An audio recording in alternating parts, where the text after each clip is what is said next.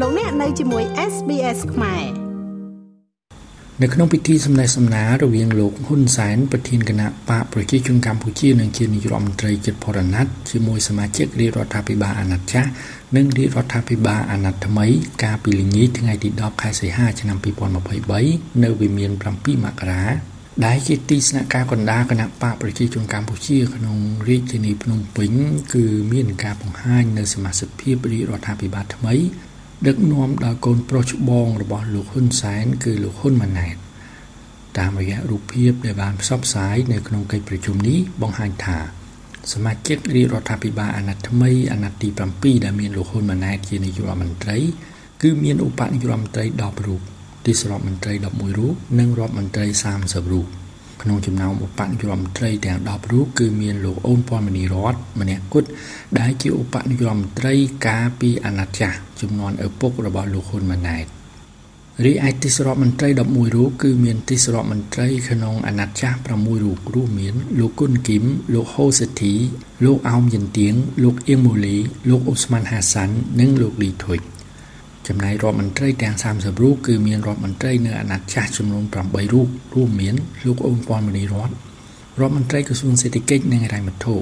លោកហងជុនរុនរដ្ឋមន្ត្រីក្រសួងអប់រំយុវជននិងកីឡាលោកការិតរដ្ឋមន្ត្រីក្រសួងយុតិធម៌លោកគីវ៉ាន់ដេតរដ្ឋមន្ត្រីក្រសួងប្រៃសណីនិងទូរគមនាគមន៍លោកស្រីភឿងសក្កណារដ្ឋមន្ត្រីក្រសួងវប្បធម៌និងវិចិត្រសិល្បៈ លោកស្រីអឹងកថាបាវីរដ្ឋមន្ត្រីក្រសួងកិច្ចការនារីនិងលោកម៉ៅហាវ៉ាណាលរដ្ឋមន្ត្រីទទួលបន្ទុករដ្ឋលេខាធិការដ្ឋានអាកាសចរស៊ីវិល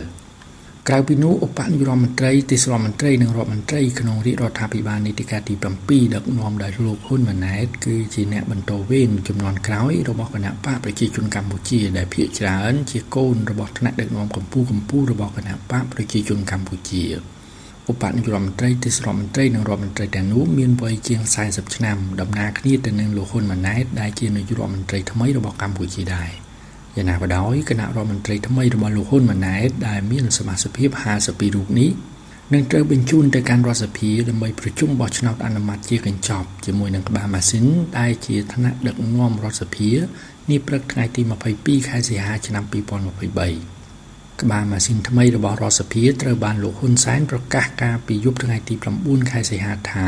លោកស្រីខួនសូដារីសប្តាហ៍ថ្ងៃជាអនុប្រធានទី2រដ្ឋសភានឹងត្រូវឡើងកាន់តំណែងជា ប្រធានរដ្ឋសភាថ្មីរីឯលោកគៀមយៀបអនុប្រធានទី1រដ្ឋសភាសប្តាហ៍ថ្ងៃនៅតែបន្តជាអនុប្រធានទី1រដ្ឋសភាថ្មី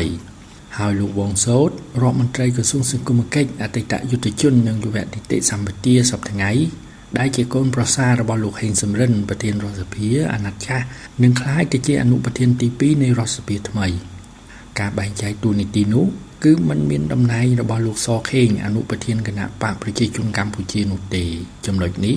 លោកនាយរដ្ឋមន្ត្រីហ៊ុនសែនបញ្ជាក់ថាគណៈបកប្រជាជនកម្ពុជាមិនមានទម្លាប់ឆ្លោះទាស់ទែងគ្នាដើម្បីដណ្ដើមតំណែងឡើយលោកហ៊ុនសែនខ្ញុំសូមឲ្យអស់លោកវិទ្យុអាស៊ីសេរី ក៏ដូចជាវិទ្យុបរទេសនិយាយភាសាខ្មែរដទៃទៀតចងចាំឲ្យបានថាគណៈបកប្រជាជនគ្មានទម្លាប់ឆ្លោះគ្នាដណ្ដើមអំណាចគ្នាដោយដែលពួកអស់លោកធ្លាប់បាន និងកំពុងបាន ហើយនឹងឈានទៅដួលរលំ ដោយសារតែចំនួនផ្ទៃក្នុងរបស់អស់លោកអស់លោកអាចឃើញអំពីសាមគ្គីភាពផ្ទៃក្នុងរបស់គណៈបកប្រជាជនកម្ពុជា ស្ដីពីការរៀបចំជាមួយនឹងការលើកឡើងខាងលើលោកហ៊ុនសែនក៏បានប្រកាសក្នុងពិធីសម្ដែងសម្ដាលជាមួយសមាជិករាជរដ្ឋាភិបាលអាណត្តិចាស់និងសមាជិករាជរដ្ឋាភិបាលអាណត្តិថ្មី កាលពីល្ងាចថ្ងៃទី10ខែសីហាថាយើងនឹងវាស់ស្ទង់មើលការចេញដំណើររបស់គណៈរដ្ឋមន្ត្រីថ្មីដែលជាយុវជនវ័យក្មេងក្នុងរយៈពេល100ថ្ងៃដំបូងបន្ទាប់ពីការបង្កើតឡើងនៅរាជរដ្ឋាភិបាលនីតិកាលទី7នៃរដ្ឋសភា ថាតើយុវជនរបស់យើង បានធ្វើសកម្មភាពអ្វីខ្លះដោះស្រាយនៅរាល់បញ្ហាប្រឈមអ្វីខ្លះដែលជាបញ្ហារបស់ប្រទេសជាតិនិងអន្តរជាតិលោកហ៊ុនសែនបន្តថា នៅពេលដ៏ខ្លីខាងមុខយើងនឹងរៀបចំនៅព្រឹត្តិការណ៍ជាតិជាច្រើនដូចជាពិធីបុណ្យអុំទូកបុណ្យឯករាជ្យជាតិប្រសិនបើយុវជនបន្តវេនរបស់យើងដឹកនាំនិងដោះស្រាយបានជោគជ័យនោះក៏ជាការបង្កនៅភាពជឿជាក់របស់ប្រជាជាតិយើងទាំងមូល នៅក្រៅពិធីសម្ដែងសម្ដាលកាលពីល្ងាចថ្ងៃទី10ខែសីហាលោកហ៊ុនម៉ាណែតនាយករដ្ឋមន្ត្រីថ្មីរបស់កម្ពុជា បានលើកឡើងថាកត្តាសំខាន់បំផុតរបស់គណៈបកប្រជាជនកម្ពុជា ក្នុងការថែរក្សាព្រៀបឈ្នះពីអតីតកាលក្នុងពេលបច្ចុប្បន្ននិងតទៅអនាគតគឺកត្តាសាមគ្គីនិងឯកភាពផ្ទៃក្នុងគណៈបកខ្ញុំម៉េងផល្លា SBS ខ្មែររាយការណ៍ពីរាជធានីភ្នំពេញ ង់ស្ដាប់រឿងក្រៅបែបនេះបន្ថែមទៀតទេ ស្ដាប់នៅលើ Apple Podcast Google Podcast Spotify ឬកម្មវិធីដទៃទៀតដែលលោកអ្នកមាន។